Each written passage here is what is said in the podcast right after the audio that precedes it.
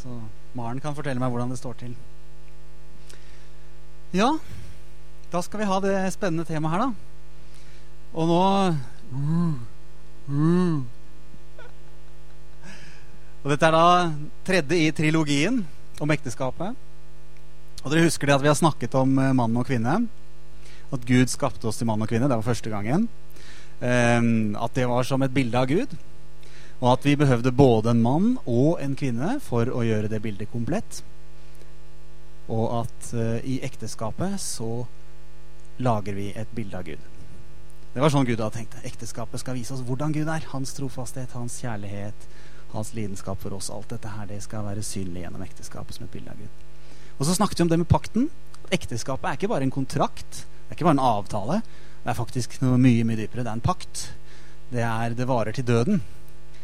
Og at vi trekker i åk, sånn som disse oksene, sammen med den vi gifter oss med resten av livet. Og Det er et alvorlig perspektiv, men også veldig fantastisk bra. Og så var det forrige gang hvor vi snakket om hvordan vi skulle finne den rette. Og da ga vi dere ti punkter som dere skulle sjekke, i tillegg til å sjekke med han der oppe. Så skulle dere sjekke ti punkter, og de de håper jeg dere tar vare på. Hvis ikke så får dere gå inn på en webside vi har som heter www.samliv.info. Der ligger de ti punktene. Og der ligger også opptakene av den undervisningen vi har hatt her. Og powerpointene. Så da må dere passe på de punktene hvis ikke dere har funnet den rette allerede. Men nå skal vi snakke om hva det innebærer at vi blir gift. Og da begynner vi liksom å nærme oss det temaet the S-word, som amerikanerne ynder å kalle det. De er litt redd for å si ting rett ut, men vi sier det sex. Kan dere si det? Sex. Ja, En gang til. Sex. Ja, det er ikke farlig å si det. Så det skal vi snakke om i dag. Men hva innebærer det da å bli gift? Det er ikke bare sex. Noen tror kanskje det. At uh, da er det det det handler om uh, hele tiden. Uh, og det er det selvfølgelig ikke. Men det er flere ting. Det å bli ett. For Bibelen snakker om det. Om at mannen og for så vidt også da dama, men det er kanskje mannen som trenger en oppfordring til at han må forlate far og mor og skal holde seg til Ikke holde seg til moderen lenger nå, men holde seg til sin hustru. Og de to skal være ett kjød, står det i noen oversettelser. De to skal være ett, står det i en annen oversettelse. Men hva betyr det da å være ett? Jo, det er på flere områder. ikke sant? Vi har snakket om det der med at eh, Det snakket vi om når vi skulle velge den rette. At det gjelder jo å velge en som vi er på bølgelengde med åndelig. En som også elsker Gud. En som også har et målrettet eh, forhold til hva han skal gjøre i livet. Det at vi kan be sammen, at vi kan snakke om Guds ord sammen, at vi kan tilhøre samme menigheten. Vi, det er jo, For oss som kjenner Gud, så er det noe av det viktigste. Eller kanskje det viktigste i livet vårt. Og det er noe som vi trenger å ha felles hvis vi skal være ett. Så vi blir ett åndelig. Og det andre er jo det at vi, vi har felles interesser. At vi, har, at vi er kamerater, at vi er venner.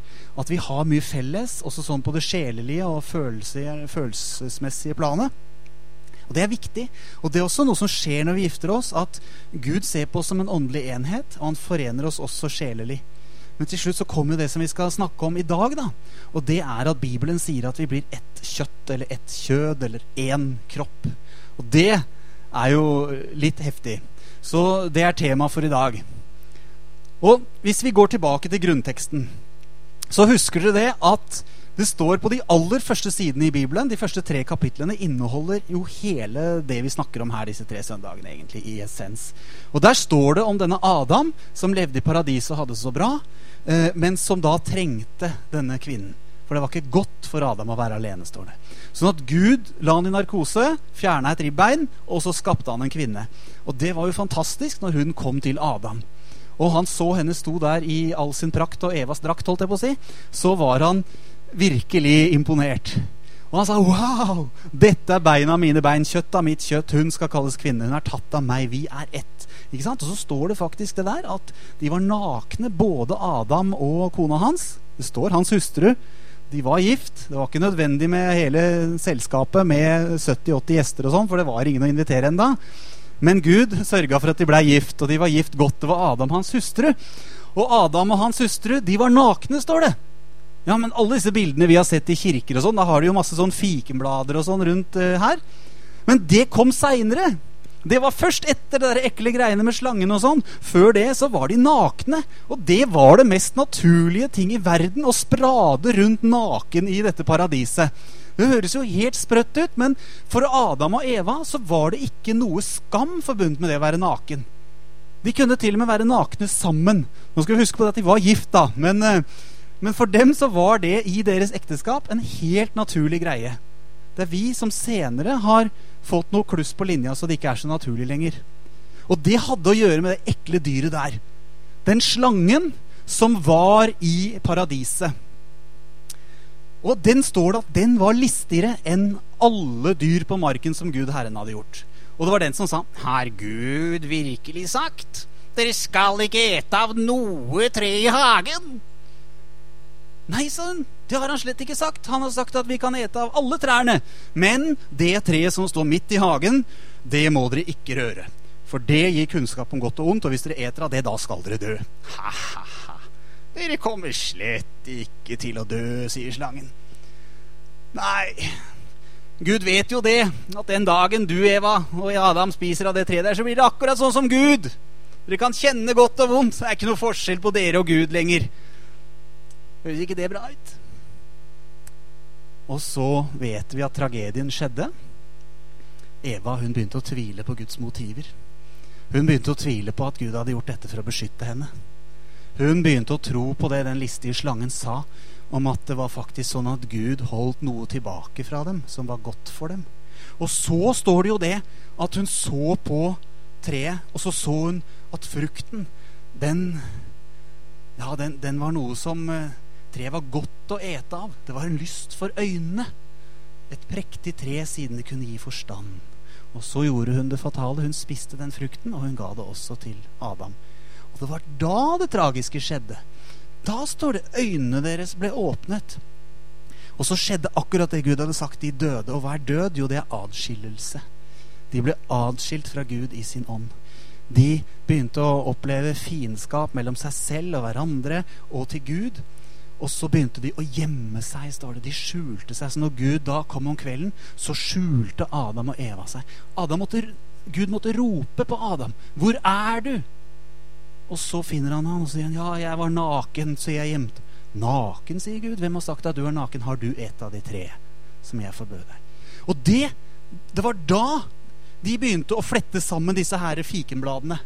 Det var da de, Det ser vi på bildet her òg. Her har de fikenbladene på seg, og det står at de gjemmer seg blant trærne i hagen. står det. Så det, det var etter den fordømte frukten at de måtte skjule at de var nakne. Før det så var det en helt naturlig greie. Og det var jo faktisk også før det at Gud fant opp sex. For hvordan kunne han ellers ha sagt at de skulle være fruktbare? At de skulle fylle bli mange og fylle vannet i havet og fuglene. Altså, de skulle være fruktbare og bli mange. Det sa han til eh, alle dyrene og alt. Og så sa han det også til menneskene, at de skulle være fruktbare og bli mange. Hvordan kunne de være fruktbare uten at de hadde sex? Så det var faktisk sånn at Adam og Eva de skulle ha sex i Edens hage. Det har jo vært masse sprø teorier om det. Hvor liksom noen tror at det der med eplet det er bare et bilde. Eller frukten det er bare et bilde på at det var nok den gangen. Det sto til med nordlys i en sånn liten den der, Kort sagt, Jeg har egentlig bestemt meg for å ikke lese den for lenge siden, for jeg blir så irritert av å lese det. Men seinest denne uka så sto det kort sagt at ja, Eva trengte ikke noe frukt. Det var nok med Eva til å forføre Adam. Og liksom, I det så ligger det liksom at ja, det var liksom første gangen Adam og Eva hadde sex. Å, fy! Da kom Gud med pekefingeren. 'Hva har jeg sagt?' 'Dere kunne gjøre alt, men det greiene der, det er forferdelig.' 'Har, dere, har du putta den der i Nei og nei, nå må jeg kaste dere ut! Jeg hadde trodd dere skulle leve her i sølibat i all evighet, men nå gikk det skeis! Jeg hadde jo tenkt at dere skulle forplante dere omtrent som amøber med sånn celledeling og sånn. Og her. Åh. Uffa, hva gjør vi nå, Jesus og Den hellige ånd? Vi får kaste dem ut. Nå har de hatt sex. Men sånn var det ikke. Det var i eden at Adam og Eva skulle ha sagt Hvorfor var det Gud skapte dem sånn som han gjorde? Hvorfor var det sånn at de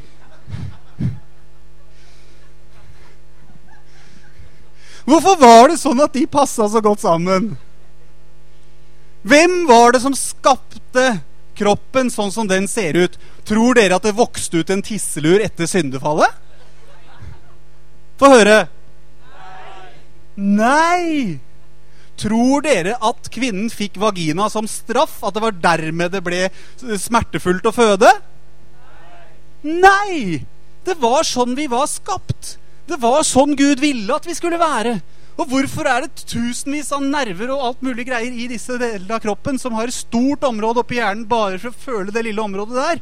Hvorfor er det det? Fordi Gud har skapt det sånn. Og han ville at det skulle være en velsignelse. Også i Edens hage, lenge før nær sagt syndefallet, så var dette Guds tanke at mannen og kvinnen de passer sammen. Ikke bare åndelig og sjelelig, men også fysisk. Sånn at uh, hun ser litt skremt ut, hun der fru Bamse der. Hun lurer litt på hva dette her innebærer, men de finner nok ut av det. Og det er faktisk sånn at vi er kompatible. vet du, så Når vi gifter oss, det er noen som lurer på det at ja, tenk om vi ikke passer sammen seksuelt. da. Vi må jo teste ut dette her før vi tør å gifte oss. Nei, ta det med ro. Det er standardisert ISO-standard på stikkontaktene.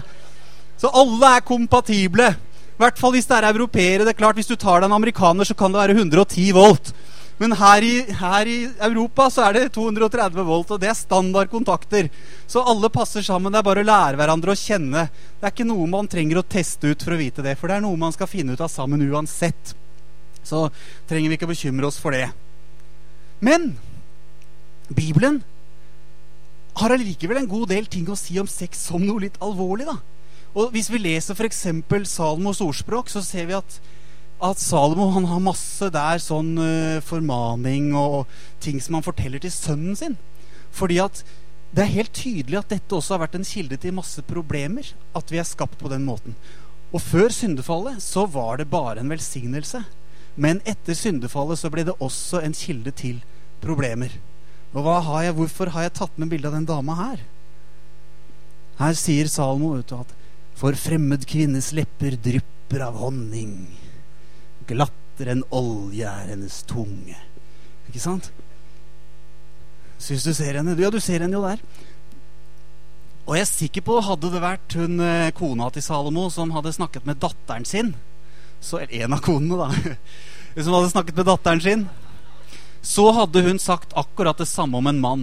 At uh, han var, kunne være sleip og slu og bare skulle lure deg i høyet. Sånn at det er dette, dette, gjelder begge veier. Vi, dette er ikke noe sånn der hån mot kvinner. Dette er fordi han snakker til sønnen sin. Du kan bare lese i teksten, så ser du at det lett gjelder sønnen. Og så sier han, la din vei være langt fra henne. Kom ikke nær døra til huset hennes engang. For at ikke du skal gi andre din kraft og en grusom herre din år. Hva er den grusomme herren? Jo, det er å være slave av sitt eget begjær. Det er å ikke kunne styre det som har med sex å gjøre. Det er å at følelsene kontrollerer oss. Og vi sier 'jeg kan ikke gjøre noe med det', jeg er så å, er, 'Jeg bare måtte', det er liksom begjæret griper meg, og alt dette her. Og det vil ikke Gud. Gud elsker oss altfor høyt til at han vil at vi skal være kontrollert av de følelsene. Han vil at vi skal kontrollere de. Og det er det som er fantastisk, at han vil også hjelpe oss å gjøre det. Men det er en advarsel. Ha ikke lyst til hennes skjønnhet i ditt hjerte. Han benekter ikke at uh, hun kunne være fin å se på. Og vi, vi, kjenner jo til det. Til og med faren til Salomo brant seg jo på det der. At han så en dame som bada. Hun var sikkert pen. Og det gikk som det gikk med Urias hustru, ikke sant? Det der er tette familie... Ikke hemmeligheter engang. Det var noe alle visste.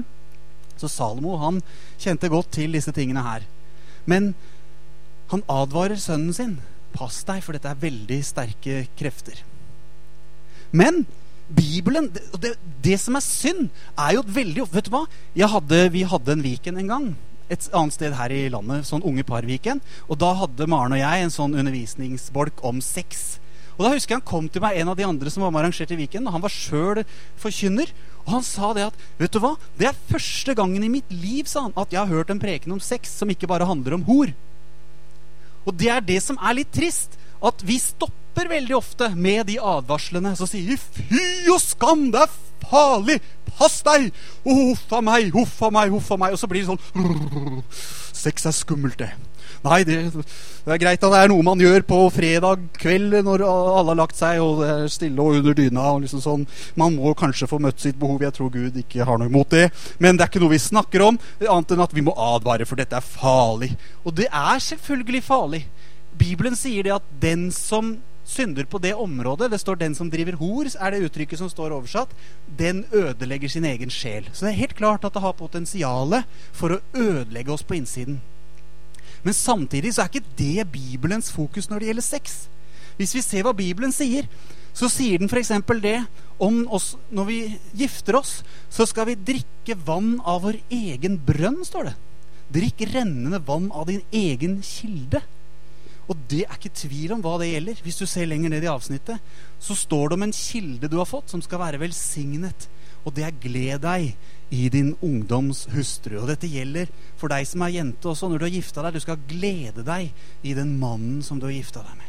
Gud vil at du skal glede deg over ektefellen din. Og det, dette her må jo bare gjelde sånn åndelige ting, at vi har bønnemøte og sånn. Så det er jo Bibelen, dette her. Nei! Den elskelige hind den yndefulle gasell, la hennes barm opplive deg. Hva er barm? Ja, det er pupper, det. Det er lov, det, når du er gift. Det er før vi gifter oss, at vi ikke skal drive og taske rundt på alle mulige Vi skal ikke taske rundt på noen etterpå heller, altså, men det er Det står i Bibelen at det er en kilde til liv og eh, noe som skal opplive oss for oss gutta. Og damene har fått tilsvarende ting som de skal kunne glede seg over. Men her snakker han igjen til sønnen sin, ikke sant? La hennes kjærlighet stadig beruse deg. Det står vi ikke skal drikke oss fulle på vin, men det er ikke gærent å beruse seg på sex med ektefellen sin. Faktisk. Så sterkt er det. det. Det er noe som Gud vil at skal være noe som virkelig binder oss sammen. Noe som er en velsignelse. Noe som gjør at vi bare elsker hverandre dypere og dypere. Og det er jo nettopp derfor det blir så feil å ta det ut av sin sammenheng og spre det ut. Bibelen sier det at 'la ikke din kilde renne ut på gatene'. Dette med kilde det brukes flere ganger. Hva er en kilde? Tenk deg en sånn kilde med levende vann. Eller med rent vann som kommer opp med sånn kildevann. Det er helt rent. Det er noe forfriskende. Det er noe som gjør at du kan drikke deg helt utørst på det og gå videre og være styrket. Det er en kilde. Men så sier Bibelen at det går an å la det der renne ut på gatene, så det blir skittent, så alle kan se det, så alle fordeler det og går og tråkker på det når det renner på veien. Det er det å spre det utover. Det er å ikke bevare det innenfor de rammene som Gud har sagt, som er mellom en mann og kvinne som har inngått en pakt, og som elsker hverandre, og som har forpliktet seg til å gjøre det helt til de, den ene av dem dør. Hva da? Når et forhold går i stykker. Og det er det vi ser så ofte i dag. Folk blir sammen, de flytter sammen, og så etter en stund så flytter de fra hverandre igjen. Og alle som har vært gjennom det, hvis du kommer litt innpå dem, vil innrømme at det er helt fryktelig. For det var ikke sånn vi var skrudd sammen. Det var ikke meningen at vi skulle være tett innpå noen, verken som gift eller som samboere eller noe som helst, og leve sammen seksuelt, og så bli skilt fra hverandre igjen. For det Bibelen underviser om sex, er at det skjer noe så dypt i oss når vi er med på det, at det går ikke an å adskille seg fra den personen igjen uten at det skjer noe med oss innvendig.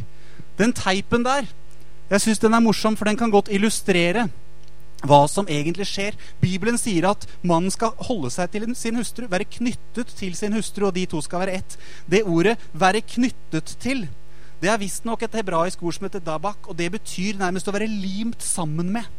Det er et lim som Gud har gitt oss, og et, den viktigste bestanddelen i det limet som skiller oss fra alle andre vi har relasjoner med. Det eneste vi har mellom ektefeller som ikke vi skal ha med noen andre, det er det som har med sex å gjøre.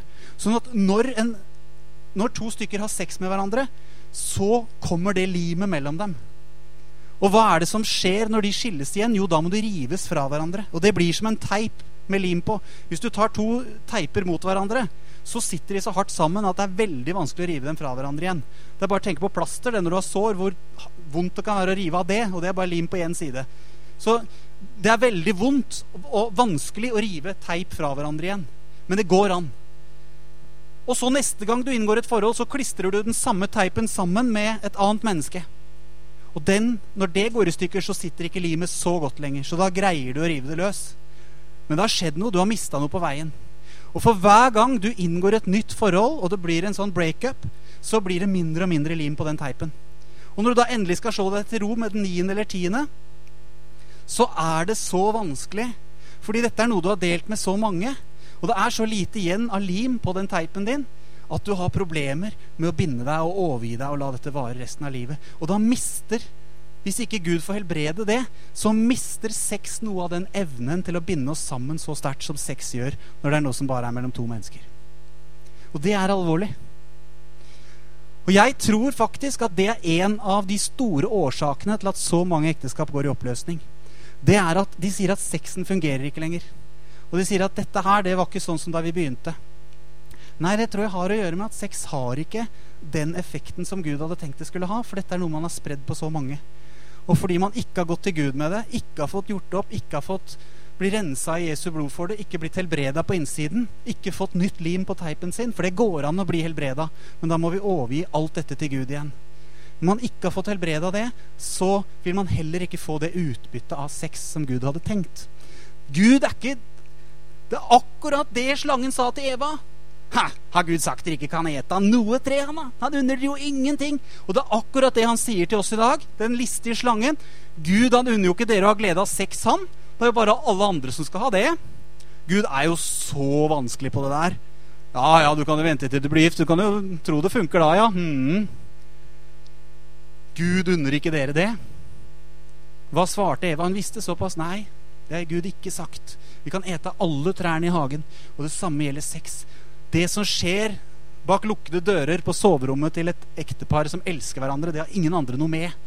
Og Gud gir dem full frihet til å utforske hverandre og gi hverandre det beste de har å gi på denne jord. Det er meningen at skal skje. Det er det Gud unner oss. Men det er et tre midt i hagen som Gud har sagt. Ta ikke det der utenfor ekteskapet. For hvis du eter av det treet, da dør du åndelig. Da skjer det noe i deg. Og da trenger du å bli helbreda. Du trenger å omvende deg. Hvis ikke så, så er det noe som blir ødelagt inni deg. Og det er jo nesten blitt så Her er en reklame for Post-It. Det er Post-It for the little things you'll forget. Og så er det en som har satt lapp i panna på dama for at den skal huske hva hun heter når hun våkner om morgenen. Og det der er en autentisk eh, reklame, tror jeg, for Post-It. Og eh, det er litt fleip, men eh, men dessverre så er det litt sånn utviklingen er i ferd med å bli i samfunnet vårt. At, at sex det er noe man gjerne kan eh, ha bare for én natt. Det er ikke så viktig om du kjenner den personen. Du trenger i hvert fall ikke å elske den personen. Det er bare å lese litt sånn spalter i Vi menn og Kvinner og klær og alle disse, mag og alle disse bladene. Så står det jo så gang på gang at selvfølgelig tror jeg ikke at man må elske noen fra sex, bare vi har god sex. Og det er noe vi kan ha en natt. Og så, hvis det bare var bra, så er det kult. Så kan det bli en ny neste uke. Og sånn går det rundt fra den ene til den andre. Og det er klart at Hvis man ikke har noe kunnskap om hvordan Gud har skapt dette her, så ødelegges det noe inni oss gang på gang på gang. Og det er ikke så veldig velsigna. Og Den filmen der kjenner dere kanskje til. Super Size Me. Hva var det han gjorde når han bestemte seg for å leve på fast food? Og kroppen hans ble bare et gradvis nedbrutt. Han tok blodprøver som viste at alt gikk helt ut av hengsler. Og han ble helt ødelagt bare på noen få uker. Men faktisk, det er litt det forholdet som vi i dagens samfunn lett kan få til det som har med sex å gjøre også. At det er liksom bare den raske nytelsen. Det er bare det for mettet sulten her og nå som betyr noe.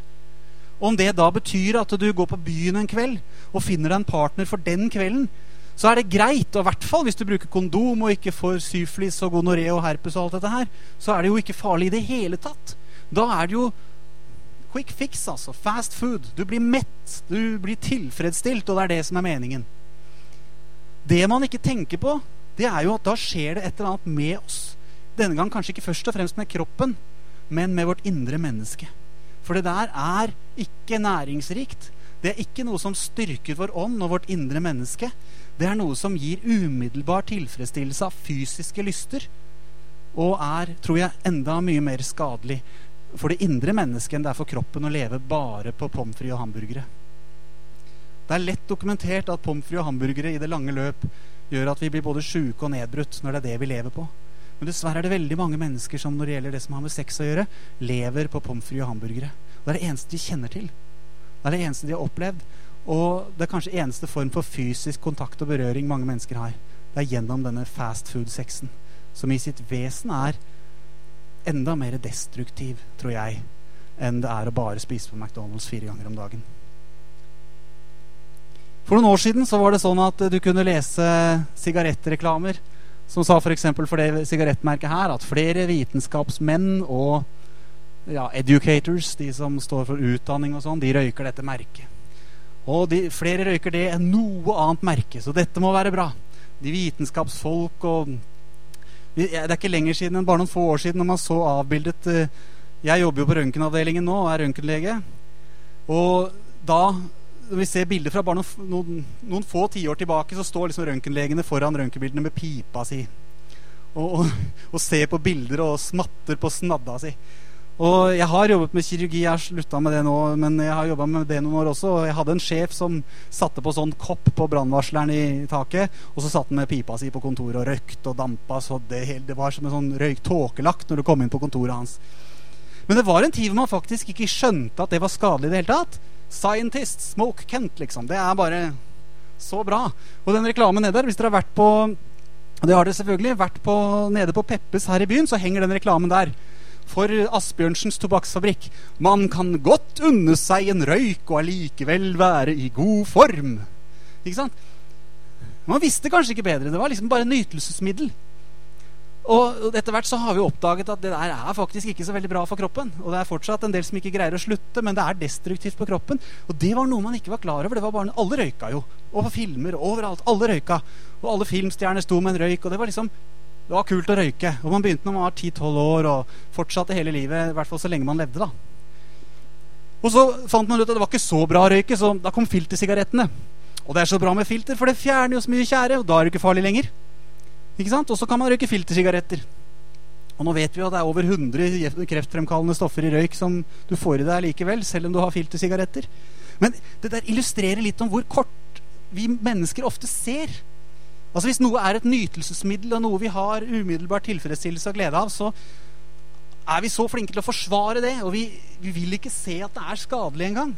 Og jeg tror det er veldig sånn parallell til hvordan vi behandler sex i vårt samfunn i dag. Nå begynner riktignok sexforskere og også helt verdslige eh, som sexologer og sånn, å begynner å oppdage at eh, er veldig vanskelig å få et forhold til vare hvis du begynner med sex første kvelden. Bente Treen, f.eks., som er eh, sexforsker her i Tromsø, hun hadde jo en artikkel i magasinet i Dagbladet for et par uker siden hvor hun sier at skal du få et forhold til vare, må du i hvert fall ikke ha sex første kvelden, helst ikke første uka, og la det gå lang tid og bli kjent først, sier hun ikke kristen, står for helt verdslige verdier.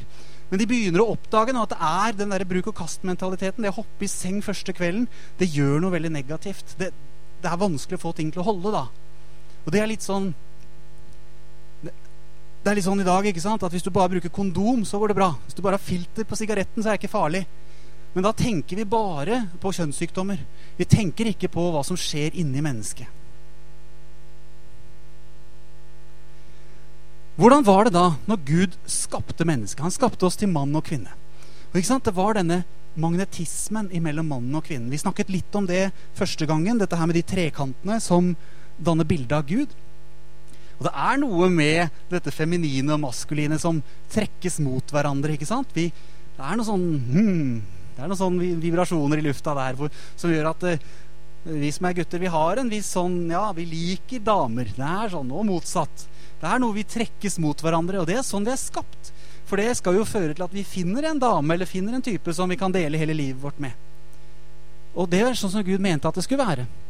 Og det er jo noe vi, Før vi gifter oss, så skal vi bli kjent med noen. Vi etter hvert blir kjæreste med noen, og vi blir godt kjent med den personen. Og vi forbereder oss, vi blir forlova, vi forbereder oss på, på ekteskap og sånne ting. Men så sier jo Bibelen at det er noe som skal vente.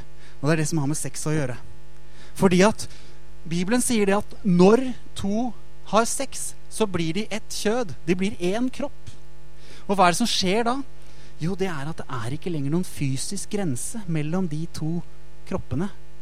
Det betyr at mitt indre menneske, min ånd og min sjel, kommer i direkte kontakt med ånden og sjelen til det mennesket som jeg har sex med. Det er fantastisk når det skjer til riktig tid med riktig person. Da er det fantastisk, for det betyr at man kan møte hverandre på det dypeste planet som to mennesker kan møte hverandre. I hvert fall på denne siden av evigheten. Altså, det er altså noe veldig dypt som skjer der. Men som det står i Bibelen, så vil det samme skje selv om du finner deg en hore, sier Bibelen. Hvis du vet ikke at den som holder seg til en hore eller skjøge, blir ett legeme også med henne. For det er sagt de to skal være ett kjød. Så det der er ikke bare noe som skjer når vi vil det. At, ja, nå mener jeg nummer seks, mens nå er det en one night stand. Nå er det bare liksom, for jeg er sulten. Hamburger. Ja, ferdig med det. Sulten i morgen. Så skal jeg satse skikkelig på hun dama som jeg blir kjent med. Skal jeg liksom kjøre litt streit, ikke første kvelden, liksom bli kjent litt. Uh, ja, vise meg som litt sånn kar, og så satse på at det blir henne for framtida, liksom. Men nå, nå er det bare for å mette sulten. Bibelen sier at selv om du bare møtte sulten, om du, så, om du så, gjør noe så nedverdigende som betaler penger til en prostituert som kanskje er narkoman og bare skal ha penger til heroin, for å ligge med henne Og da bør det være med bind for øya og klype på nesa, holdt jeg på å si, hvis du virkelig skal Altså, Det er noe av det mest nedverdigende jeg kan tenke meg av sex. Men selv når du gjør det, og, ikke, og gjør alt for å ikke involvere følelser i dette Det er bare fysikk, liksom. Det er det man sier. Det var bare fysisk. Selv da, sier Paulus, så blir du ett legeme med henne. Hva betyr det? Jo, du kommer rett i kontakt med hennes ånd og hennes sjel.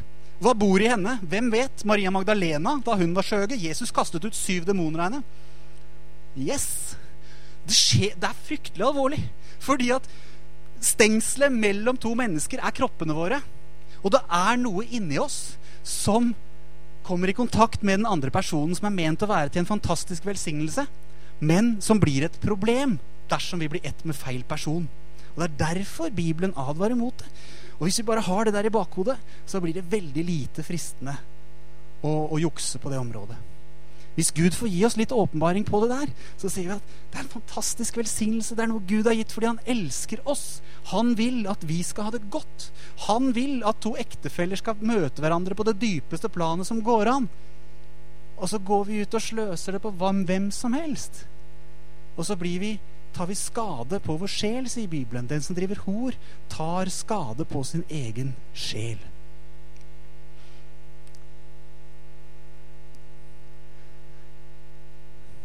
Det er det.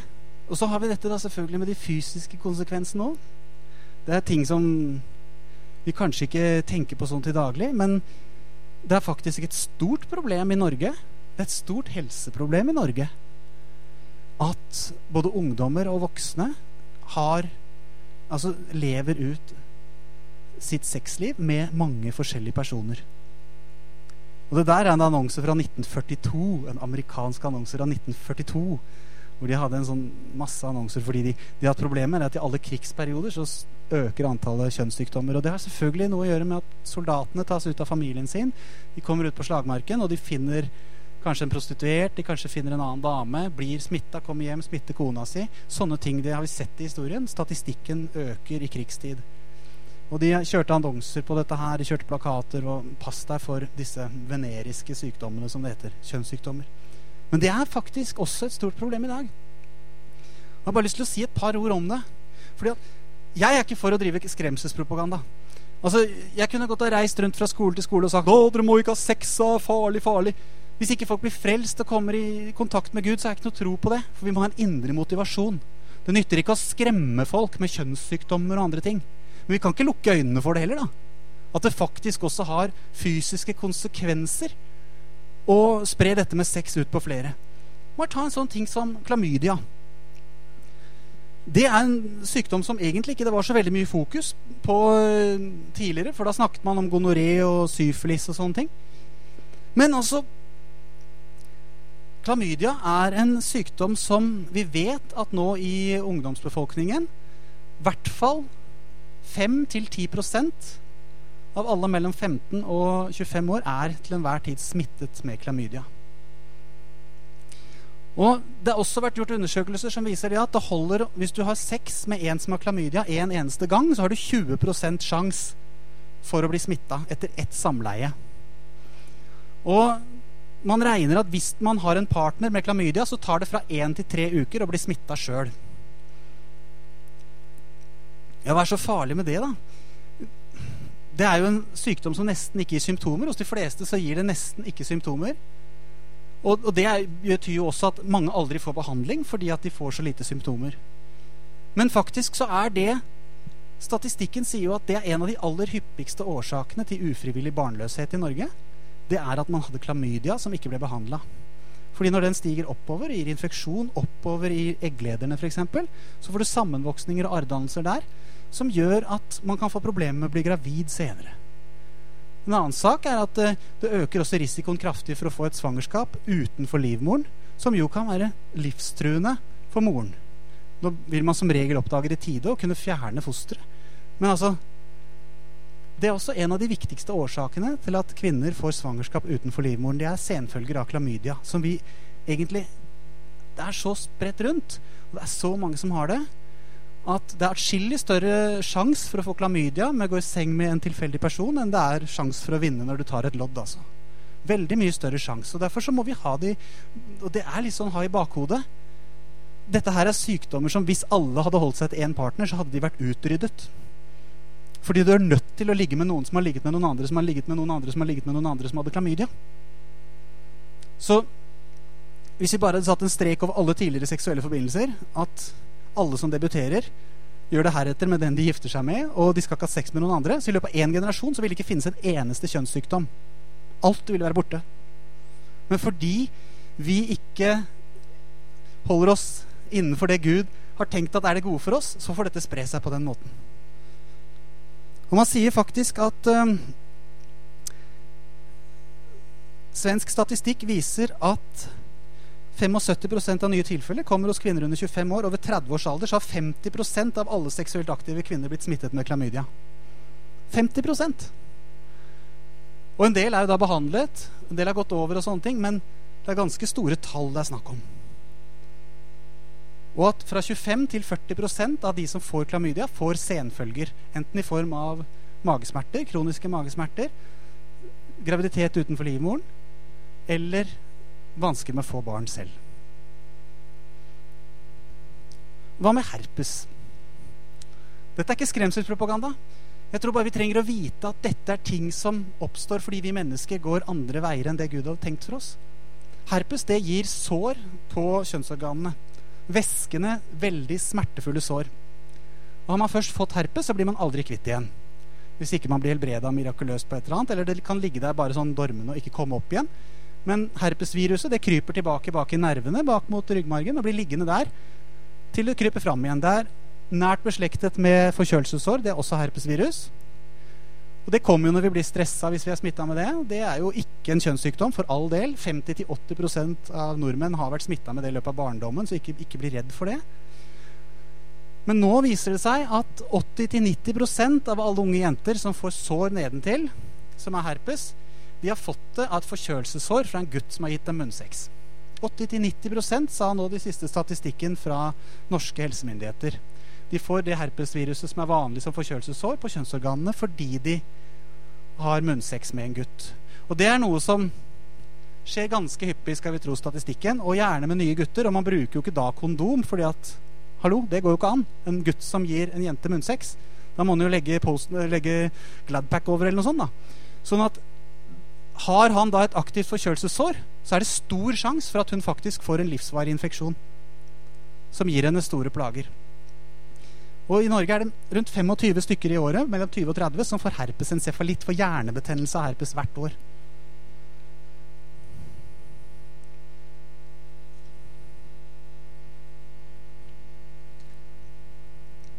Og man regner faktisk at uh,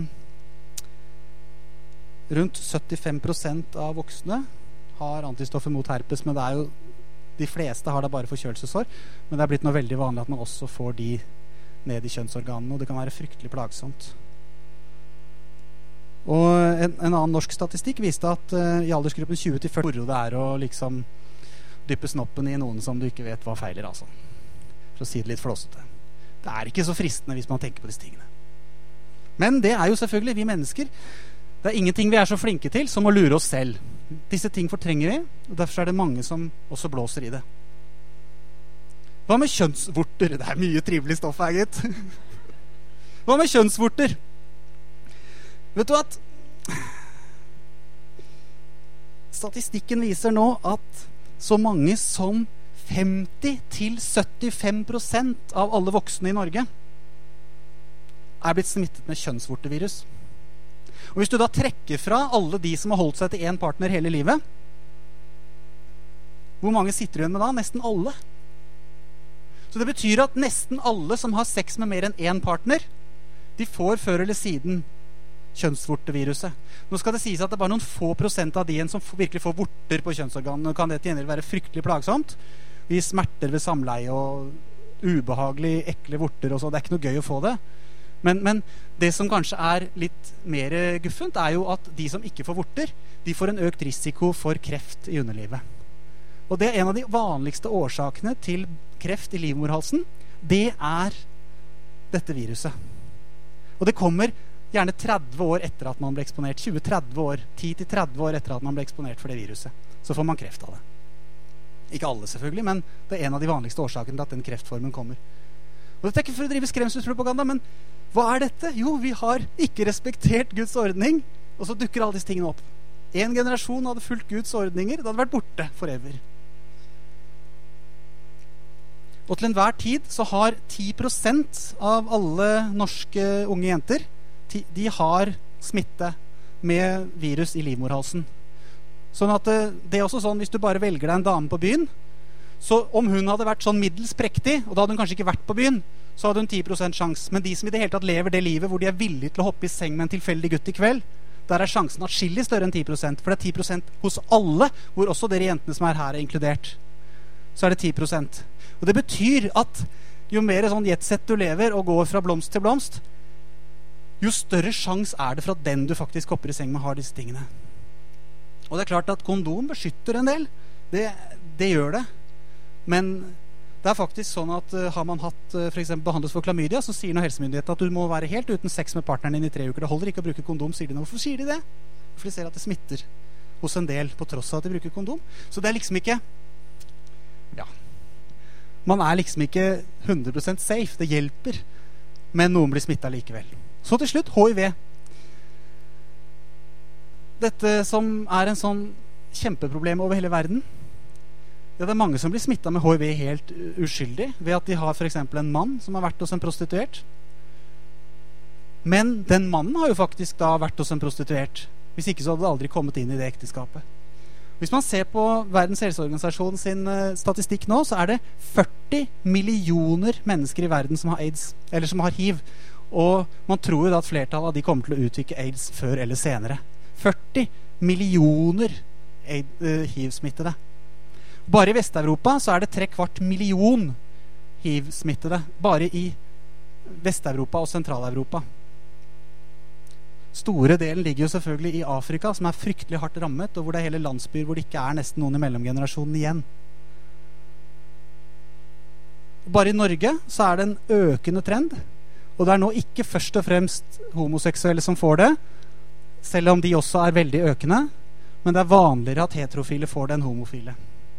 Det var I fjor var det 164 nye tilfeller av hiv registrert. Men det er de som tester seg. Vi vet ikke hvor mange som ikke tester seg. De vil vel før eller siden oppdage at det er noe der òg. Men altså, det er en stigende trend, det også. Og når vi vet hvilke enorme helseproblemer dette gir over hele verden, så sier det litt perspektiv på at det også har store fysiske konsekvenser, dette med å leve utenfor den planen Gud hadde for oss. Og det er også sånn faktisk at hvis du f.eks. har klamydia, som i utgangspunktet virker som en uskyldig infeksjon, så har du fem ganger så stor sjanse for å bli smitta av hiv. Hvis du har den infeksjonen, så får du lettere den. Og av de som har hiv-viruset, så er det 90% som også har kondylomvirus. Sånn at det ene følger det andre, både fordi de man er i kontakt med, har viruset, og fordi man blir mer sårbar selv også. Og det er jo mange som prøver å stoppe viruset. Dette er en annonsekampanje fra Togo. Og man sier det er tre måter å unngå det på. Det er abstinens, altså avholdenhet, trofasthet, og så er det kondom. Og jeg vil jo virkelig slå et slag for de to til venstre der, da. Det er lurt å vente.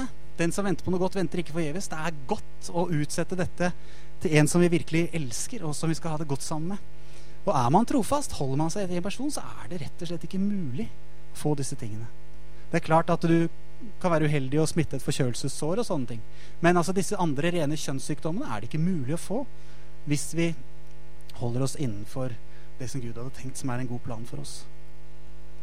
Men hva er sex, da? Det er også en sånn ting som Ja. Er, er det samleie som er sex? Hva med munnsex? Er det sex? Jeg eh, fant det bladet her. Der sto det 'Hva er egentlig sex?' Det syns jeg var interessant. Så jeg åpna bladet og så. Er det samleie? Er det klining? Er det oralsex? Er det fingring? Og det viser seg jo at eh, overskriften er en slikk og ingenting. Nei, oralsex det regner vi ikke som sex. Det er holdningen nå hos veldig mange. Så det at uh, det å ha samleie med noen, da, da har man hatt sex. Men det å ha munnsex, det er ikke så farlig. Og flere sa her i den artikkelen at hvis jeg skulle regne alle jeg har hatt munnsex med, da, nei, da ville jeg høres ut som et ludder, så det gjør jeg ikke. Jeg sier bare de jeg har ligget med. I hvert fall til uh, kjæresten min. Ja, da trekker jeg fra noen uansett, var det flere som sa. Men jeg sier i hvert fall ikke de jeg ikke har hatt fullt samleie med. Og det er også sånn som er blitt en trend at det er jo liksom ikke så farlig. Og dessverre, det hører vi også rapporter om som driver i familiearbeidet, at si, kollegaer av oss i Familiefokus som er rundt og snakker i ungdomsmiljøer, de ser at dette sprer seg også i kristne miljøer. At fordi man liksom skal være teknisk jomfru, så ligger man ikke Man har ikke penis inn i vagina. Det holder man seg liksom for god til. Men munnsex, det er jo liksom ikke skikkelig sex. Så det, det må være greit. Men før, sånn som det står i artikkelen her, så var det regnet som noe ekstra avansert. Noe som liksom var mer intimt. Noe som veldig mange aldri gjorde. Og hvis de gjorde det, så var det ekstremt intimt. Mens nå er det spredd seg veldig mye i samfunnet. At det er litt sånn der easy. Det er liksom ikke noe å ta tungt på. Det som er trist, er jo at kjønnssykdommene smitter akkurat like mye den veien. Ikke minst sånne ting som herpes. Og mange av disse andre. Og kjønnsvorter. Det er masse nå som får kjønnsvorter i munnen. Kjønnsvorter i stemmebåndene og sånne ting. For, på grunn av den praksisen. Og så har vi han her, da. Han kommer til Tromsø, ja. Det sier de her. Det er kanskje stygt å rippe opp i disse historiske tingene, men han har gjort dette i full offentlighet, da. Du husker Bill Clinton for noen år siden, ikke sant? Monica Lewinsky, som uh, var over alle TV-er og alle aviser i lang periode. Hvorfor det? Jo, fordi de hadde hatt seg noen eventyr i det ovale rom, eller hvor det var hen. Et eller annet sted i Det hvite hus, i hvor de hadde gjort saker og ting. Og da sa jo faktisk uh, eh, Mr. President at I did not have sexual relations with that woman. Han gikk ut på TV. Han sto på talerstolen i Det hvite hus. Du kan bare tvile. Gå inn på YouTube, søk på, uh, søk på um, Clinton og Lewinsky, eller did not have, så kommer det der videoopptaket opp hvor han sier I did not have sexual relations with that woman. Og så sier han nå må vi liksom gå tilbake til arbeidet her og sånn. Og det som viste seg i saksgangen etterpå, var jo faktisk at han mente jo det òg, han. For de hadde ikke hatt samleie. Det hadde ikke vært penetrativ sex. Det hadde bare vært munnsex og en del sånn fingring og en del sånn ting og tang. Så han, han mente han hadde sitt på det tørre, han. For det var jo liksom et definisjonsspørsmål. da, Hva som var å ha sexual relations. Men jeg vet ikke. Det er ikke så mange som ville likt at de hadde hørt at ektefellen deres hadde hatt den type relations, non-sexual oral sex relations in the office med en annen sekretær eller noe sånt. Det er ikke så mange som ville sagt at det ikke var utroskap. ikke sant? Så når det rammer oss selv i ekteskapet, så ville vi sagt at det er jo ufyselig ekkelt. Æsj. Uff. Utroskap. ikke sant? Dette er grusomt. Men sånn teknisk så kan man definere at dette liksom ikke er sex. Og da er det jo blitt et uttrykk ikke sant, å ta en Clinton. Og det er I USA nå så er det undersøkelser som er gjort blant amerikanske tenåringers sexvaner, viser nå at 20% av alle 14-åringer har hatt oralsex. Men de oppfatter det ikke som sex. Det er ikke ordentlig sex. For de mente det var mindre risikabelt og mer akseptabelt enn samleie. Og at det var en måte å bevare sin uskyld på, mens de samtidig oppnådde seksuell, seksuell intimitet. Men så advarer jo disse forskerne og sier at det er jo veldig mye smitta kjønnssykdommer den veien. Og, og, det er bare den rent fysiske siden. Når vi snakker om det som skjer inni oss, så tror jeg jo at uh, det er ikke noe mindre risky det. Og så disse tingene her som vi er litt sånn flau for, da. Det er jo en ting er at det er sjelden at vi står på talerstolen her og snakker om sex på den måten her. En annen sak er at vi, vi liker ikke alltid å snakke med fordi vi blir ofte litt flau sjøl. De fleste føler liksom at det er noen sånne områder som ikke vil at folk skal kikke i skuffen. Men, men vi trenger allikevel å snakke om disse tingene her. Hva f.eks. med onani? Nå blir det stille nå. Det er litt sånn mm, Ikke sant? Så løven holder labben foran ansiktet. Dette her er skummelt å snakke om, altså. Hva med det, f.eks.? Vi kan jo si med en gang da at det står ikke noe bud i Bibelen 'Thy shall not masturbate'. Eh, det står ikke i Bibelen eksplisitt. Den historien som står i første Mosbok 38 om onan, som har gitt opphavet til ordet onani, det var en annen story. Det var det at de hadde som skikk at du skulle føre slekten videre med å ha samleie med enken etter din avdøde bror for at ikke slekta hans skulle dø ut. Og så gjorde han det, men han hoppa i siste sving, sånn at det ikke ble noe befruktning. Og så fikk han liksom gleden ved samleie, men han gjorde ikke plikta si. Det var Onans synd. Ikke sant? Han lå med svigerinna si, men det var jo kun av én årsak. De hadde ikke kunstig befruktning, så han måtte ligge med henne hvis han skulle føre slekten videre. Sånn var det bare i, i det samfunnet. Sånn har ikke vi det nå, heldigvis, men sånn var det der. Og det var ikke bra. Og så har liksom det blitt det sånn uh, at det er feil å spille sæden på jorden fordi det var det onan gjorde, og så kaller man det onani. Nå skal det sies at det er kanskje ikke så lurt å leke altfor mye på det området der. Kanskje ikke det. På samme måte som Bibelen sier ingenting om at det er forbudt å ta et glass vin. Eh, Paulus sier til og med til Timoteus at han skal ta en slurk for magen. Så, og Jesus lagde 700 liter som sitt første mirakel i Kana. Så, så, vi kan ikke si med Bibelen i hånd at 'Thy shall not drink alcohol'. Vi kan ikke si det. Men det er masse forbilder i Bibelen hvor, som sier at det er ikke lurt å leke med alkohol. Fordi en del blir faktisk alkoholikere. Og en del de får trøbbel med det. Som det tar kontrollen over dem. Paulus sier at 'jeg er fri til alt', men jeg skal ikke la noe få kontroll over meg', sier han. Og Derfor så vil jeg si det at med en gang Masse kristne ungdommer går rundt og bærer tonnevis med skyld fordi de er onanert. Og da er de bare i båt med 99% av alle andre, nesten, i hvert fall blant gutter, som har gjort det. Så det er ikke noe verre det enn alle mulige andre ting. Og i seg selv så står det ingenting i Bibelen om at det er forbudt å ta på sine egne kjønnsorganer. Og sånn innenfor soverommets fire vegger, hvem som tar hvor, og hvem som gjør hva med hverandre og sånn, da, det har i hvert fall ikke Bibelen noe advarsler om. Det er helt, helt greit. Men hvis noe gir så mye trøbbel da, med dårlig samvittighet, og sånn, så kan det kanskje være lurt å prøve å styre de kreftene over på et annet område. Fordi at problemet er jo at det er ikke alltid like lett å onanere og samtidig ha alt på stell her oppe i hodet. Og veldig mange som onanerer, de, i hvert fall blant gutter, de gjør det med et pornoblad. Eller at de går inn på en eller annen pornoside på nettet, ser en pornofilm, ser på bilder av en eh, Berthe uten klær, og som både skrever hit og dit. Og hva skjer da? Jo, de tenker seg at de har sex med den dama. Og hva sier Jesus om det? Han sier til fariseerne det at uh, når de liksom slår ned på de som driver ekteskapsbrudd, så sier han at uh, jo, men den som ser på en kvinne for å begjære henne, sier han i Matteus, den har allerede begått ekteskapsbrudd med den dama i sitt hjerte. Så for Jesus er det også noe som kan skade vårt indre menneske. At vi driver og fantaserer om å ha sex med noen vi ikke er gift med. For det skjer en eller annen sånn psykisk og mental og åndelig kobling der også. Sånn at det har Bibelen masse å si om. Selv om ikke Bibelen nevner onani spesielt, så har den masse å si om fantasier som går mot sex som ikke er lov ut fra Guds ord, og som kan skade vårt indre menneske. Og jeg, for å være litt personlig, jeg opplevde da jeg fikk litt sånn åndelig fornyelse da jeg var en sånn 16 år Da var det ingen som underviste meg om disse tingene her. Og da husker jeg, da plutselig var det det bare gikk opp for meg at det der er ikke konstruktivt. Eh, og så rett og slett bare ga jeg det til Gud og la det ned. Og, og, levde flere år uten at det var noe problem i livet mitt. Samtidig som jeg vil ikke fordømme onani som sådan. Men jeg personlig opplevde at for meg var det konstruktivt å kanalisere de kreftene over på andre områder. Fordi det kan så lett bli noe vi er ekstremt opptatt av, og som vi sirkler veldig rundt og som drar oss inn i masse porno og fantasier og sånne ting som Bibelen er helt klar på at ikke er bra for vårt indre menneske. Så derfor er det kanskje ikke så mye den fysiske handlingen, men alt det det fører med seg. Og Det er sånn de sa i gamle dager om dansen. vet du. Det er ikke dansen det er noe veien med, men det er alt det fører med seg. Og det er noe sant i det. At det er jo ikke galt å danse. Men det er klart at for veldig mange så er det å gå på byen og danse det er en måte å skaffe seg en sexpartner for kvelden på.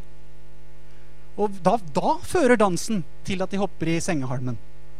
For dem er ikke dansen bra. Eller samme som at eh, selv om Bibelen ikke har noe forbud, konkret forbud mot alkohol, så er for noen så er det å ta den første halvliteren det er veien utfor stupet. Da går de på fylla. Noen gjør det. Ikke alle. Noen har veldig god kontroll over det. Og det står til og med om Jesus at han var en storheter og vindrikker. Var det noen som anklaget ham for. Så det er ikke det at det i seg selv er synd. Samtidig så liker jeg det der 'What would Jesus have done?' Og jeg har litt vanskelig for å tenke meg at Jesus drev og onanerte masse. altså. Men bare, så, bare sånn for å få litt perspektiv på det.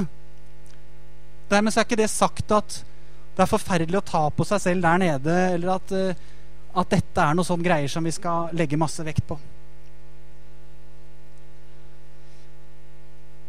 Og da er vi igjen inne på dette her med hvilke muligheter vi har i dag for å få masse rot i tankene våre. Alle som har en PC og internettilgang, har den muligheten hele tida til å invitere masse greier inn i stua som gjør det vanskeligere på det området. Og der har vi som lever nå, en helt annen utfordring enn det var bare for 20 år siden, da jeg vokste opp. 30 år siden. Da var det liksom om man lurte unna Jeg hadde en kamerat som liksom fikk tak i et pornoblad. Det var ganske softcore den gangen. da Fikk lurt det under senga, og liksom vi bladde i dette her helt sånn skjelvende. En pupp, liksom. Åh, ikke sant? Kjempespennende. Samtidig som det hadde veldig negativ effekt på oss. Vi ble utrolig fokusert på de tingene. Og det er en veldig feil fokus på sex når du er 16 år eller 15 år. eller hva du er.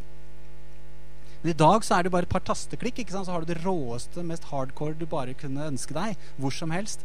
Det er som å være enslig gutt og så bo liksom i andre etasje med luke ned i pornobutikken under. Du kan gå når som helst ned og bla i alle de bøkene du vil. Og det er et problem. Fordi at det gjør så lett at hvis vi fyller oss med de tingene, så klarer vi ikke så lett å beholde den visjonen om at dette skal være noe godt og riktig og sterkt i vårt ekteskap. Så derfor så er det godt å heller være motivert av at dette er noe som Gud Det er ikke det at Gud ikke unner oss det, men han unner oss det beste. Og det er ikke det at ikke vi skal få lov å spise oss mett, men vi skal ikke stappe innpå med burgere rett før vi går inn til bryllupsmiddagen. Fordi at Gud vil at vi skal nyte bryllupsmiddagen. Gud har noe mye bedre i vente for oss. Så det å kanalisere de kreftene over på det først er så bra. Og det er en sånn velsignelse. Og det går an. Og Gud har ikke bedt oss gjøre noen ting som han ikke også vil gi oss kraften til å gjøre. Han vil at vi skal være drevet av kjærlighet i disse tingene her, og ikke først og fremst av begjær. Vi skal vinne en ektefelle, står det, i hellighet og ære, ikke lidenskapelig begjær, slik som, slik som hedningene. Selvfølgelig skal det være lidenskap. Selvfølgelig skal det være masse glede av det som har med sex å gjøre når vi gifter oss. Men dette er ikke det eneste livet handler om. Livet handler om mye mer. Og kjærligheten gjør ikke noe usømmelig. Den søker ikke sitt eget. Den utholder alt, tror alt, håper alt og tåler alt. Dette er noe godt. Det er en fantastisk gave Gud har gitt oss. Han vil at vi skal bevare det. Så skal vi ikke la oss fordømme, for fryktelig mange, hvis man snakker til en forsamling som er, har gått for langt på det området. Og hva gjør Gud da? Han sier, 'Kom til meg, du som strever og har tungt å bære.' For dette er tungt å bære.